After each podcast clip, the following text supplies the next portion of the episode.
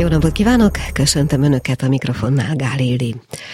A mai fülbevalóban először Kovács Orsolya stílus tanácsadóval fogunk beszélgetni arról, hogy tulajdonképpen mit is jelent az, hogyha az embernek stílusa van. Összefügge ez a dolog azokkal a mondjuk így, hogy színekkel és formákkal, amelyekkel születünk, vagy amivé leszünk az életünk során, illetve összefügge mondjuk az ízlésünkkel. Na hát sok mindenről beszélgetünk majd vele. Ez utánra pedig hoztam önöknek, és ne kérdezzék, hogy miért, mert nincs rá valós magyarázatom, legfeljebb annyi, hogy a sok-sok irodalmi mű közül, amit ehhez a témához igyekeztem választani, egyszer csak kezembe akadt egy tulajdonképpen ide szorosan nem kapcsolódó vers, egy Jónás Tamás vers, és az összes többit mondjuk így, hogy félre söpörte, úgyhogy ezt hoztam önöknek még a félkettes hírek előtre. Aztán fél kettő után itt lesz a Várva Várt Alapítvány elnöke, Lukács József, akivel pedig a krízis terhességről, annak a jelentéséről, illetve a krízis terhességben lévők segít segítségnyújtásáról, hogyan lehet nekik segíteni, hogyan lehet őket tovább billenteni, illetve az életüket hogy lehet egy kicsit megoldani az ő alapítványuk segítségével, és hova forduljanak azok, akiknek erre szükségük van. Szóval erre beszél, erről beszélgetünk majd Lukács Józseffel, és végezetül, ahogy az ajánlóban is hallották, a Cirko Geizir mozi bemutatta a Bergman szigete című filmet. Ennek egyik kritikusával, Gyöngyösi Lillával fogunk beszélgetni olyan háromnegyed kettő körül. Ez tehát a mai ajánlat, lássuk. A Klubrádió női magazinja tényleg fülbevaló.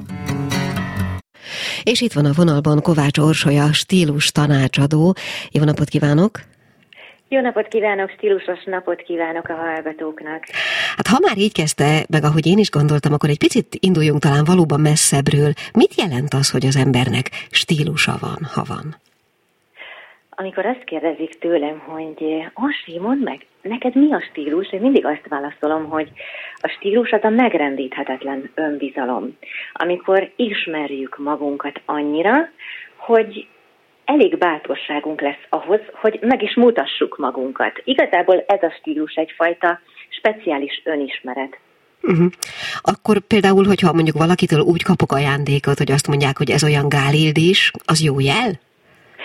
az mindenképpen árulkodó jel, és csak reménykedjünk benne, hogy az Ildinek is tetszik.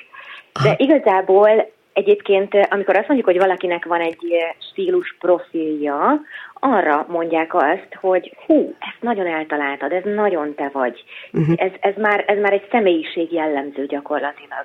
Uh-huh.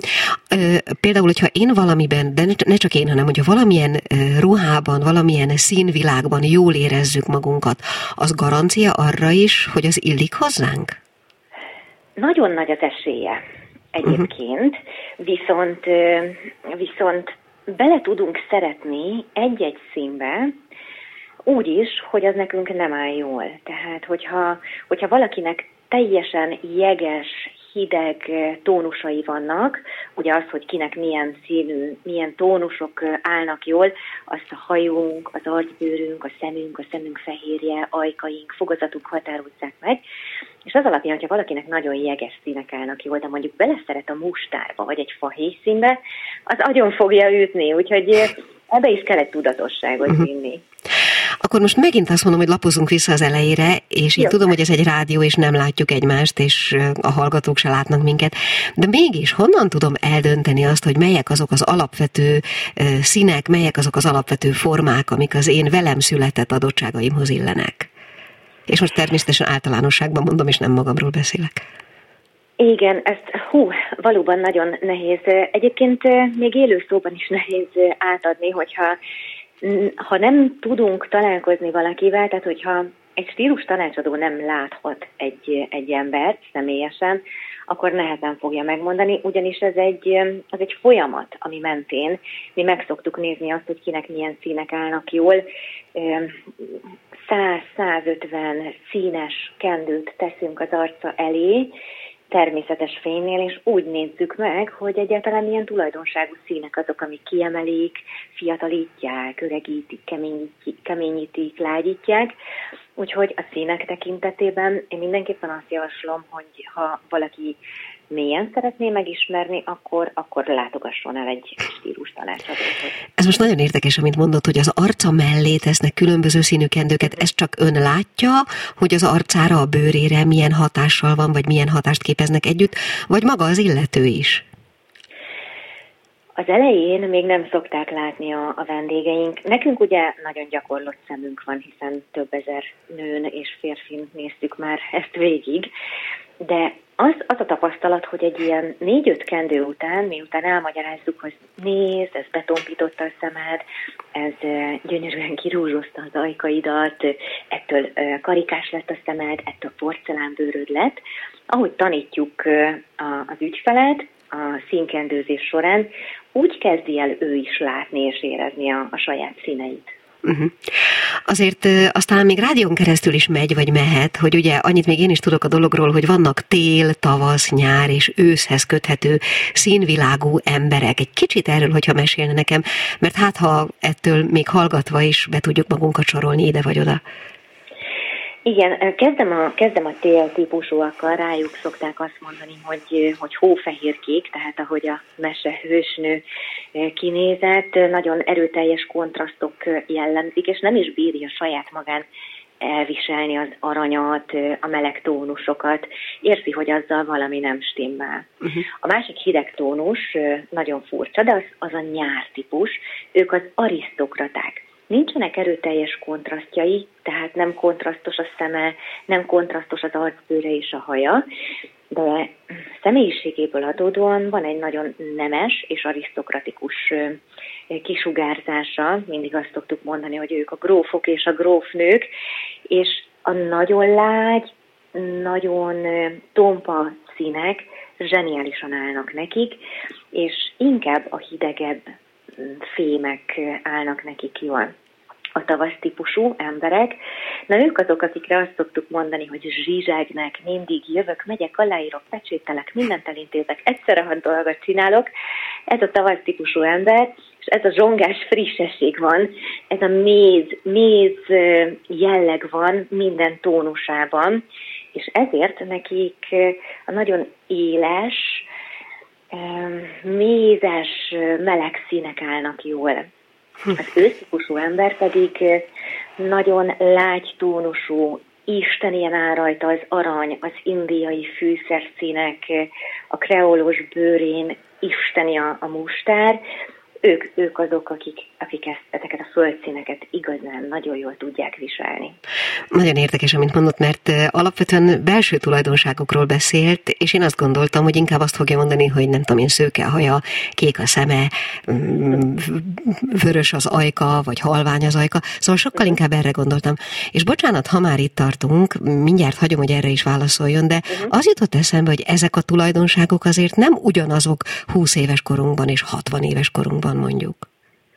Igen, ez, ez való igaz, és azért választottam a tulajdonságok szerinti leírást, mert így sokkal jobban magukra ismernek a karakterek, mint, mint az alapján, hogy milyen színű a haja, ugyanis az nagyon változó. Tehát még egy hófehérke típusú nőnek is lehet, akár egy platinaszőke haja, és megmarad, megmarad a hideg tónusa. Tehát annyira, annyira változó, változatos az, hogy milyen szemszíntől, milyen szemszínig, hogy uh-huh. hát több száz oldalas könyvek vannak ezzel megtöltve, úgyhogy mindig, mindig nagyon, nagyon látványos az, amikor személyiségjegyek alapján beszélünk, és igazság szerint ez, ez megvan gyerekkortól. És nem nagyon változik a színtónusunk, Nyilván a személyiségünk igen, de, de az alap, alap személyiségünk nem, nem uh-huh. változik. És, és ez, ez igaz a, a színtónusokra is. Tehát, hogyha például őszülünk, akkor a saját tónusunkban fogunk őszülni. Tehát, aki uh-huh. meleg tónus, neki vöröses, retesebb lesz az őszhaja, és van, akinek meg egészen hamvas, jeges tehát akkor azt elmondhatjuk, ahogy, az, ahogy ezzel kezdtük, hogy talán az önismeret, amit mondott, és az ebből fogadó önbizalom az, ami ennek a, egy ilyen tájékozódási alapját képezheti, ha jól értem, ugye? Igen, igen, abszolút. Azt akkor hadd kérdezem meg, mert az megint csak egy érdekes kérdés, és nem tudom, hogy van-e bármifajta összefüggés mondjuk a világ divat trendje, és mind a között, amiről mostanáig beszéltünk. Hogyne, a divatrendek abból a szempontból kikerülhetetlenek, hogy 2022-ben élünk, és nem tudunk például az 1600-as évekre jellemző stílust magunkra ölteni, mert egyrészt nem kapjuk meg a boltokban, másrészt pedig a 2022-es életvitel ezt nem, nem támogatná. Tehát tehát mindenképpen van egy, egy olyan társadalmi jelenség, ami kikerülhetetlen a, a divatban. Viszont a divatnak van egy másik jellemzője is, az pedig az, hogy egy nagyon gyorsan változó, diktáló üzletág, és igazából akik leginkább követik a divatot, azok a 18-20 éves korukig lévő fiatalok, azért én azt gondolom, hogy, és azt is látom az ügyfeleinken is, hogy azért 30 fölött, 40 fölött, meg már végképp 50 fölött, meg abszolút mindenki megtalálja a saját hangját. Tehát tud úgy válogatni a boltokban, hogy egy-egy trendre, egy-egy hullámra tud tudatosan igent és tudatosan nemet mondani. Uh-huh. Uh-huh. És például az a kérdés, ha már itt tartunk, ami ugye az előbb fölépítettünk egy világot a belső tulajdonságainkra, vagy a velünk született, és aztán egy életen át elkísérő viselkedési mintánkra, tulajdonságainkra. Mi van akkor, hogyha az ember életét különböző életesemények így vagy úgy befolyásolják? Például mi van azzal, hogyha valaki nem akar megöregedni, nem szeretne, mert belül 18 évesnek érzi magát még 60 évesen is? Vagy mi van akkor, hogyha valami olyan életesemény érte, amitől a hosszú távra megfordul, megfordult a belső világ, a hangulat, elvesztette valaki szeretetjét. Ilyenekre gondolok csak. Ez tükröződik-e, tükröződjön-e a külső, külsőben, a stílusunkban, a, a világban való megjelenésünkön? Igen, igen, igen. Tehát egy, egy alapszemélyiségjegy az, az nem fog változni, ez nem is a, a mi szakmai területünk, de aki világ életében extrovertált volt, ő bármilyen életesemény után is meg, meg, megmarad az életében ez a, ez a vonal. Viszont a stílusra azt mondjuk, hogy igen, ahogy változik az élethelyzetünk, úgy változik a stílusunk is, és annak megfelelően fordul a gardróbunk is. Ugye, amiről most beszéltünk eddig, a színek, azok a, a stílusunknak csak egy hatodát adják, hiszen ott van még a ruhásszekrényünk, a vásárlási szokásunk, a testalkatunk, a stílusprofilunk, hogy hogyan gyűjtünk még be információkat saját magunkról. Nagyon sok összetevője van annak, hogy hogyan tudjuk felépíteni a stílusunkat.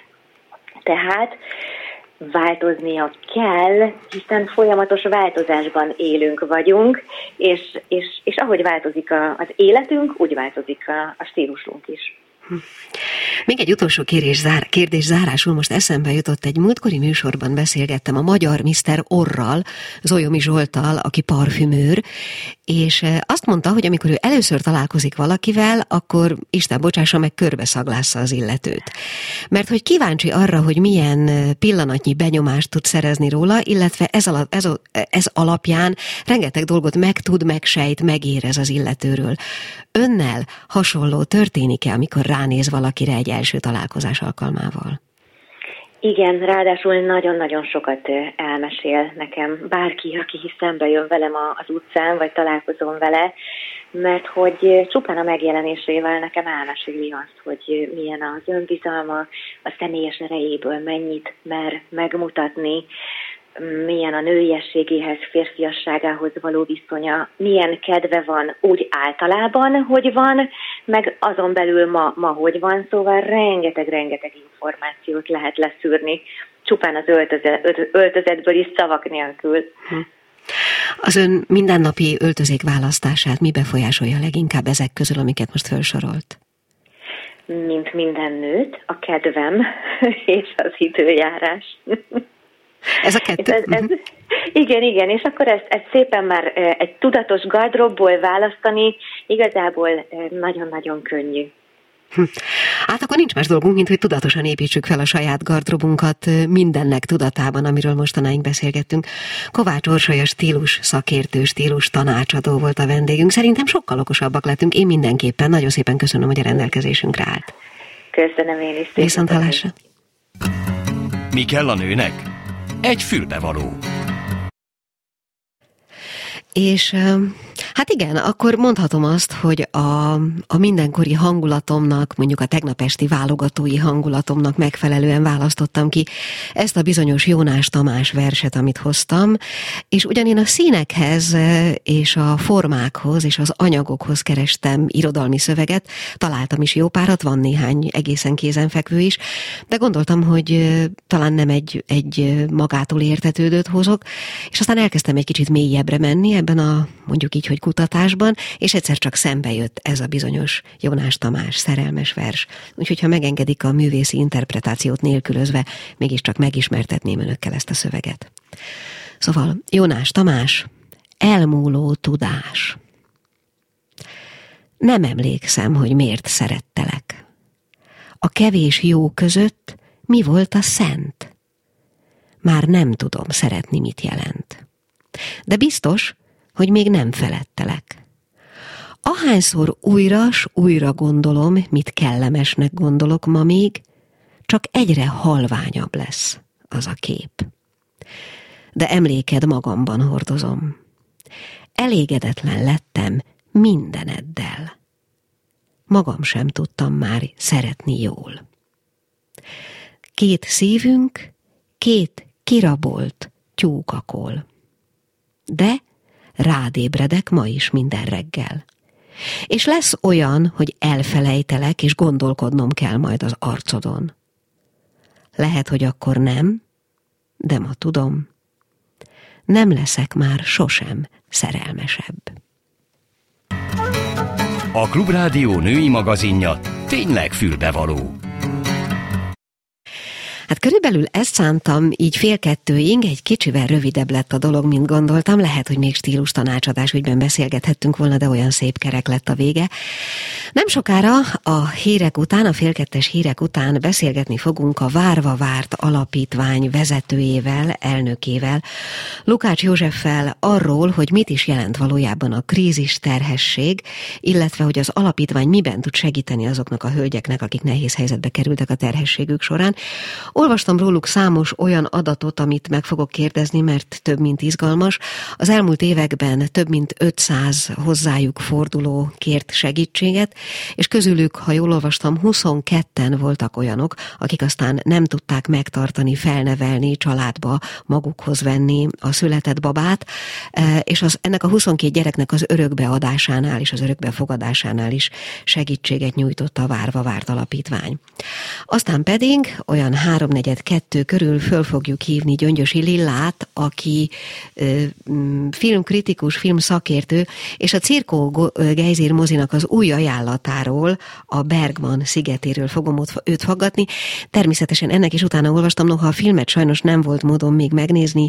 Ez egy nagyon erőteljesen női film, sokak, többek megítélése szerint, hogy erről mit gondol majd Gyöngyösi Lilla, ezt majd elmondja ő. Most következzen egy kis zene, és aztán még egy icipici ajánlattal vissza fogok térni a félkettes hírek előtt.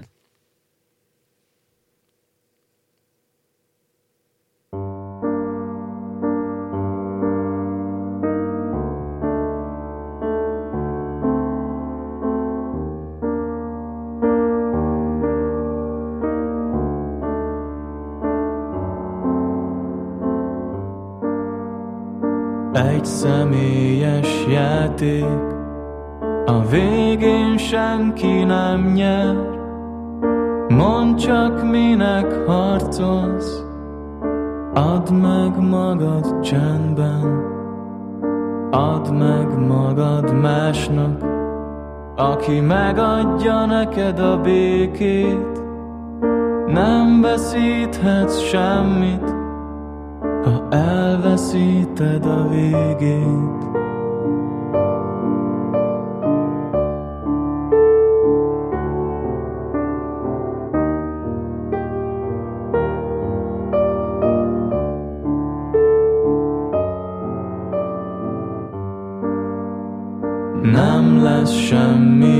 Másképp Változtatni nem kell Az egyetlen egy látkép Mit nem láthatsz a szemmel A láthatatlan bontja. A fehér zászló szélét A fegyver letételnél majd értékeld a békét. A háborútól gyenge vagy, nem találod önmagad. Add meg magad boldogan, az igazi béke nem itt van. Egy személyes játék, a végén senki nem nyer. Mondd csak minek harcolsz, add meg magad csendben, add meg magad másnak, aki megadja neked a békét. Nem veszíthetsz semmit, nem veszíthetsz a háborútól, gyönge vagy, nem találod önmagad, Add meg magad boldogan, az igazi béke nem itt van. A háborútól gyönge vagy, nem találod önmagad. Add meg magad boldogan, az igazi béke nem itt van. A háborútól gyönge vagy, nem találod önmagad, add meg magad boldogan, az igazi béke nem itt van. A Klubrádió női magazinja tényleg fülbevaló. És most, ha megengedik, akkor egy csütörtöki műsorra szeretném fölhívni a figyelmüket, ahogy ezt megszoktam tenni. Ilyenkor keddenként a csütörtöki zsebenciklopédiáról szeretnék egy kis ajánlót mondani előre, még a félkettes hírek előtt. Most csütörtökön a hívó szavunk egy hát nem is egy szóból fog állni, hanem egész pontosan úgy szól, hogy egyedül vagy párban. Természetesen ennek megint csak nagyon sok fajta értelmezése lehet párkapcsolaton belül, vagy párkapcsolaton túl is. Ezúttal vendégünk lesz egy coach, vagy, vagy még pszichológus, még ez kérdéses, mert ketten is jelentkeztek erre a pozícióra, de az biztos, hogy vendégünk lesz Vajda Katalin író, aki egyébként nagyon sok művet tudhat a háta mögött, és nagyon sok színpadi szöveget írt, részben egyedül, részben pedig a testvérével párban. Hogy egyedül vagy párban lehet könnyebben, gyorsabban, hatékonyabban alkotni, élni, e, dolgozni, erről fogunk beszélgetni tehát ebben a műsorban, de hogy Vajda Katalinról egy kicsit előlegezzem, például ő írta az Ankónai Szerelmesek című színdarabot, sőt ennek a folytatását, az Ankónai Szerelmesek kettőt is, de ő írta a Hippolita lakály színpadi változatát, sőt a Piszkos Freda kapitány színpadi változatát is.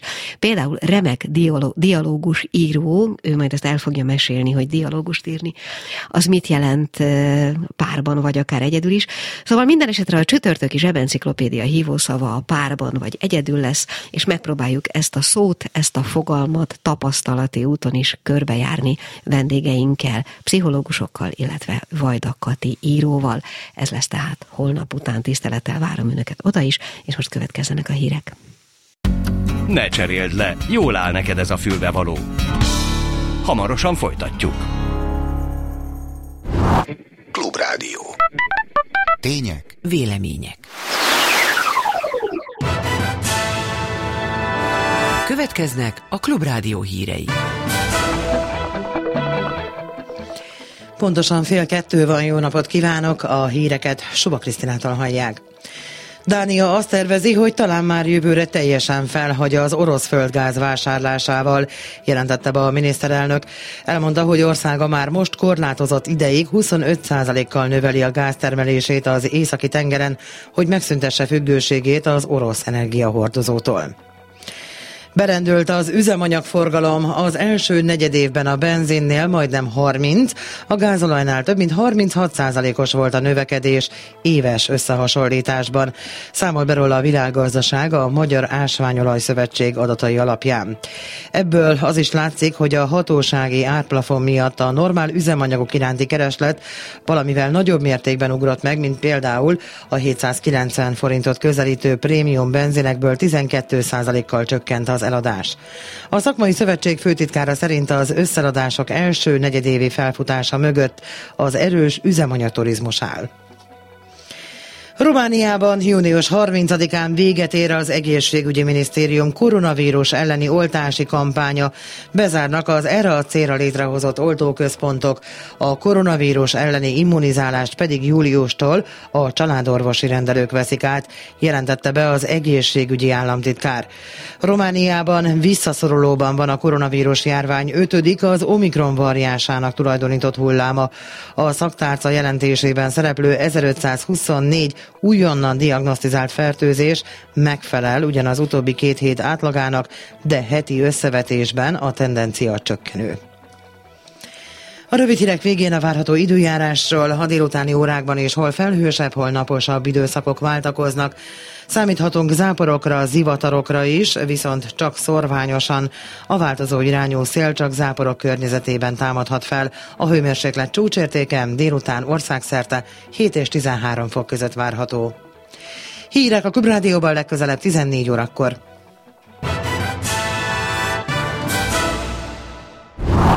Klubrádió. Tények. Vélemények. Műsorajánló.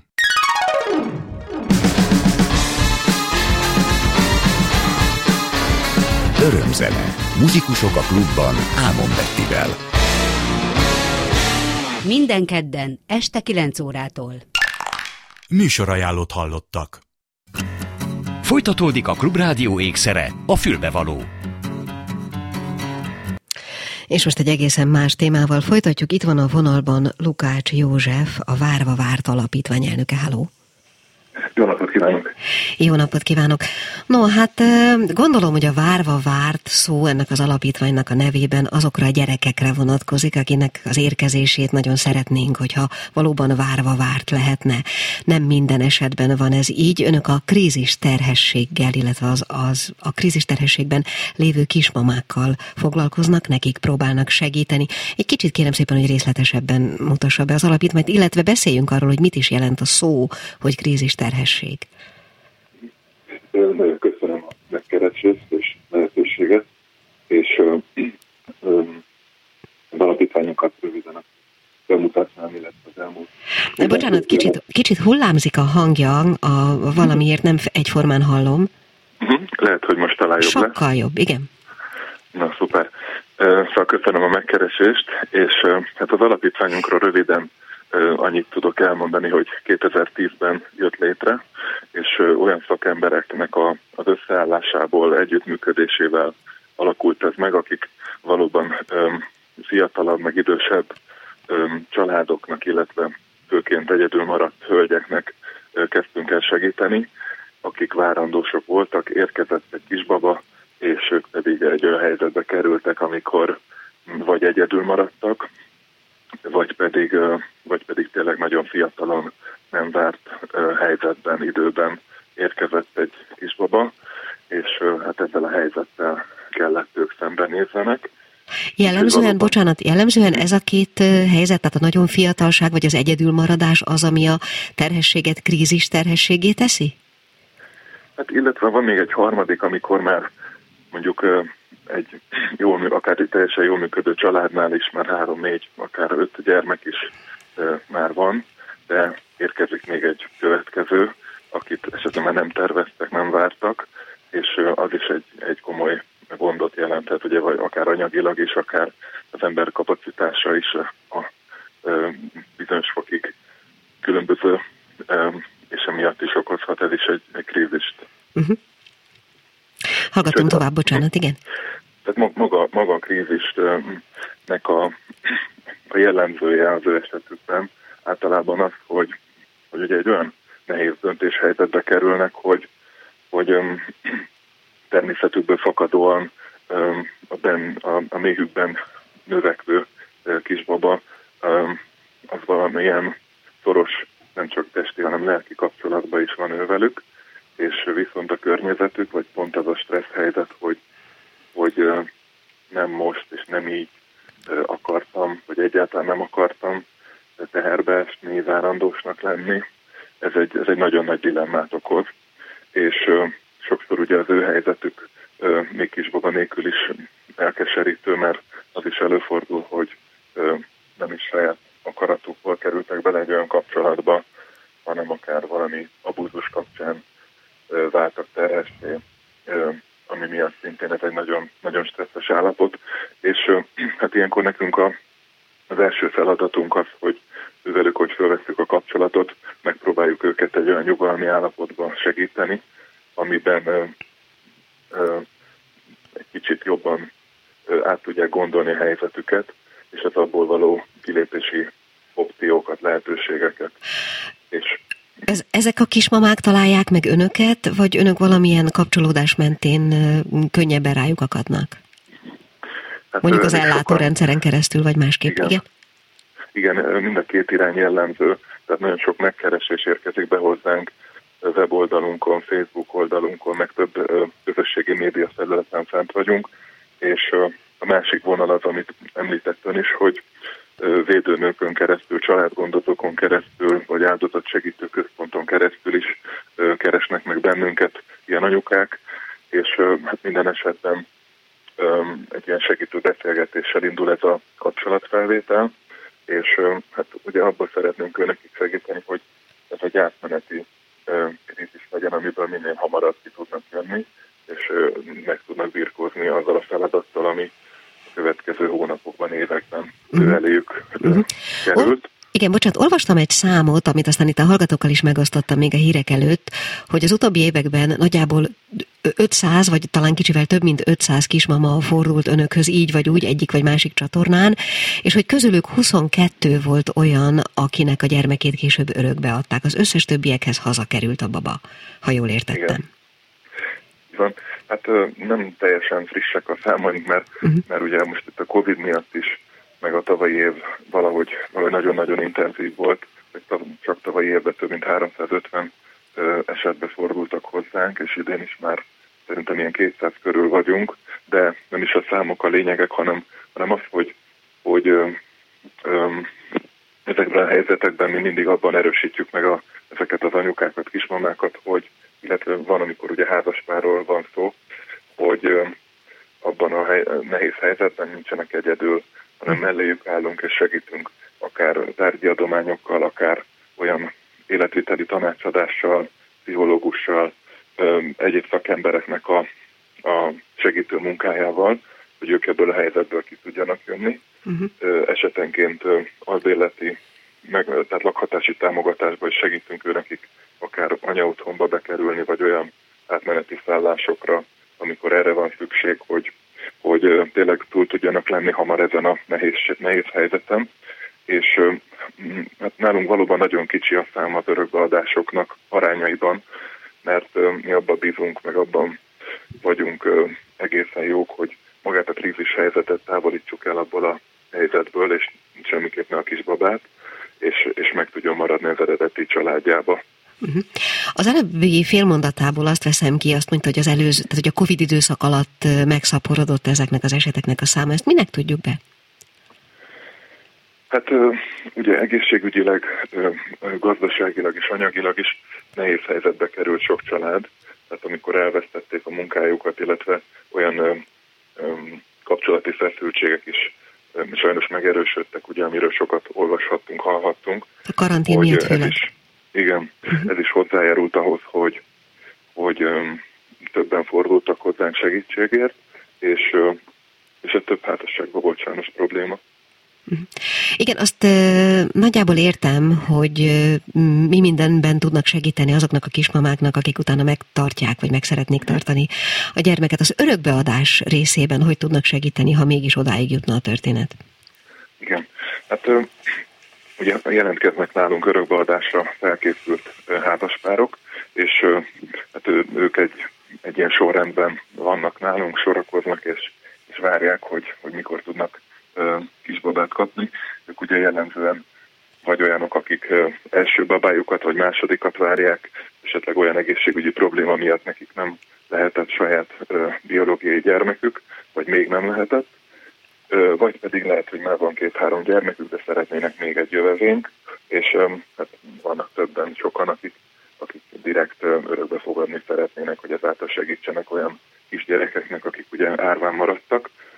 Úgyhogy ők jelentkeznek nálunk, és amikor azt látjuk egy krízis helyzetbe levő anyukán, hogy ő valóban nem tudja megtartani ezt a kisbabát, nem tudja saját maga a gondját viselni, olyan élethelyzetben van, akkor őt összehozzuk ilyen családokkal, gyakorlatilag bemutatunk nekik olyan önéletrajzokat, és arra bátorítjuk, hogy, hogy ő maga választon örökbefogadó családot a kisbabájának.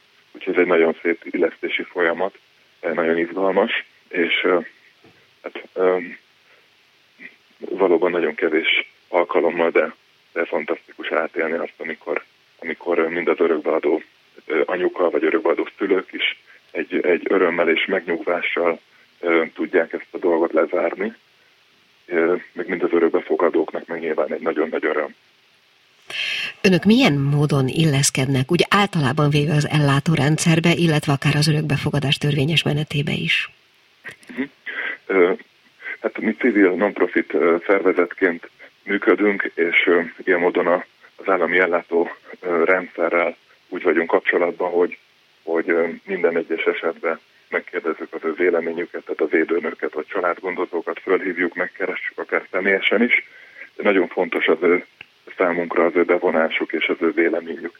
Tehát nem akarunk az ő tudtuk nélkül az ők hátum, hátuk mögött úgy segíteni, hogy, hogy annak ne legyen egy, hogy mondjam, ne lássanak ők rá, hanem sokszor az ő, ő, ő rajtuk keresztül is megy egyébként a segítség, tehát ha például ők keresnek meg minket, és, és tehát gyakorlatilag ezt, ezt nagyon hatékonynak látjuk, mert így ők is adnak nekünk egy visszajelzést, hogy igen, ez a család valóban rászoruló, és megvannak azok a szülői kompetenciák, amikor ö, valami anyagi segítséggel, vagy néhány hónapos, vagy egy fél éves támogatással ö, nagyszerű szülők lesznek ők, ö, de azt is elmondják, amikor valakiről az látszik, hogy, hogy ö, sajnos nincsenek meg ezek a szülői kompetenciák, és ebből a helyzetben nem javasolják, hogy, hogy kívülről úgymond felpumpáljuk ezt a uh-huh. helyzetet, uh-huh. mert, mert nem látják ebbe a, a realitást. Igen, ha már az anyagi forrásokról beszéltünk, akkor civil szervezetként milyen anyagi forrásokkal rendelkeznek, amivel támogatni tudják ezeket a családokat, vagy ezeket a hölgyeket? Mhm. Főként magánszemélyektől kapunk mi támogatásokat, kisebb-nagyobb összegekben tudnak támogatni bennünket, illetve az egy százalékos felajánlással is évről évre egyre többen bennünket bíznak meg, hogy gazdálkodjunk ezzel a kisebb-nagyobb összeggel az adójukból és hát innen is köszönjük ezt a bizalmat, illetve egy-egy kisebb pályázaton sikerül indulnunk. Volt már az elmúlt években, amikor egy ilyen nagyobb szervezetfejlesztési lehetőségünk is volt, és ennek kapcsán most már minden megyében van helyi szervezetünk, úgyhogy nagyon hatékonyan tudunk így fejlődni szervezetileg is. Hát én remélem, hogy segítettünk ezzel a hallgatóknak. Zárásul még, hát ha még ezzel is tudunk, mondjon egy elérhetőséget, ahol a rászorulók, vagy akinek ezzel kapcsolatban ötlete, vagy akár segítséget nyújtani kedve van, megtalálja önöket. A weboldalunk ez a www.varvavart.hu, amin, ami nagyon sok információ bent van, illetve Facebookon is, az meg szinte frissebben is kisebb információk is megtalálhatók. Mm. Lukács Józsefet a Várva Várt Alapítvány elnökét hallották, remélem, hogy segítettünk a hallgatóknak is. Köszönöm szépen, hogy a rendelkezésünkre állt viszont hallásra. Köszönöm viszont hallásra. A Klubrádió női magazinja tényleg fülbevaló. És most már pihenjünk egy kicsit, következzen egy film, illetve egy film ajánló, és aki a filmet ajánlja, hogy Gyöngyösi Lilla filmkritikus lesz. Halló! Hello, itt vagyok. Szia!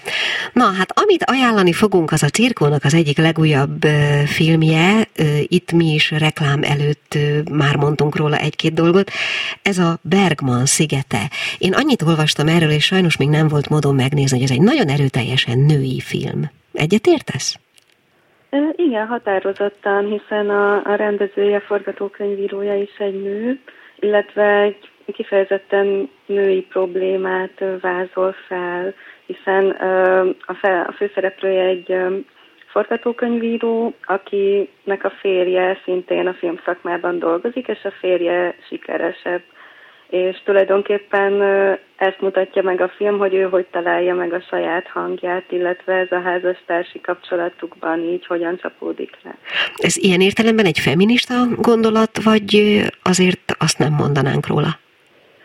Mm, nem kifejezetten, mert nem nagyon állít semmit ez a film határozottan. Van egy ilyen nagyon csendes, kis játékos hangneme, inkább csak így rámutat ilyen érdekes anomáliákra vagy kérdésekre, ami igazából bármelyikünkben felmerülhet az életünk vagy a munkánk során.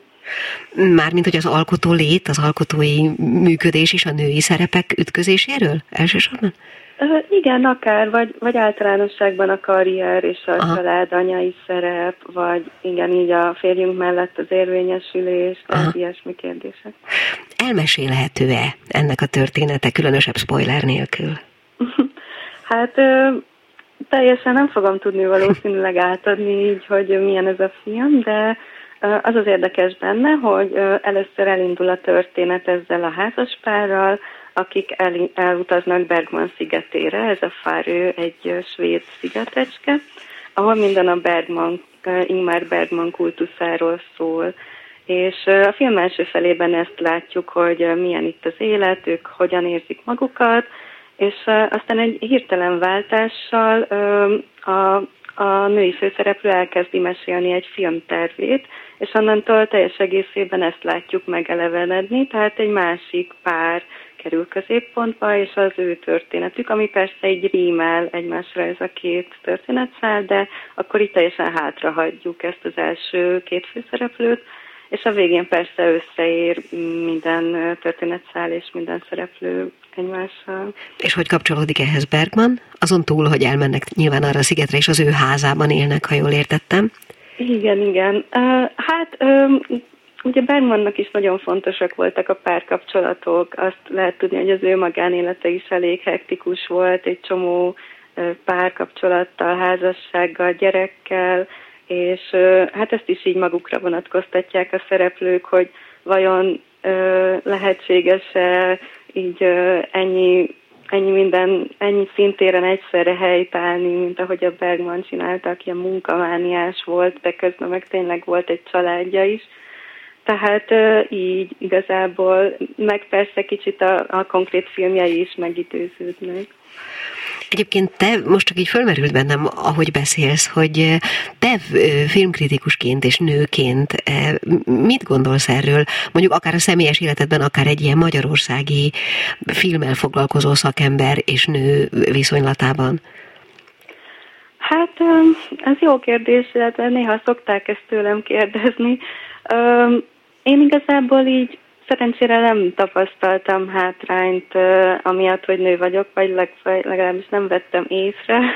Az biztos, hogy hát ez a filmes szakma, a kritika is, de a filmalkotás is, az hát elég ilyen bizonytalan megélhetést nyújt, és ha mondjuk valaki családot szeretne, vagy egy ilyen biztonságosabb életre vágyik, akkor, akkor nem biztos, hogy ez így összefér a kettő, de Hát nehéz lemondani róla, mert különben meg annyira izgalmas és változatos ez a pálya, hogy azért sokan próbálkozunk vele. Meg hát nyilván, amíg, amit az embernek a szenvedélye diktál, az, az akkor is kibújik, hogyha esetleg nem akar, vagy, vagy, igen, vagy tudom én, igen. másképp dönt, hogy mással foglalkozik esetleg, de hát sajnos ezek a dolgok, vagy szerencsére akár kikibújnak az emberből.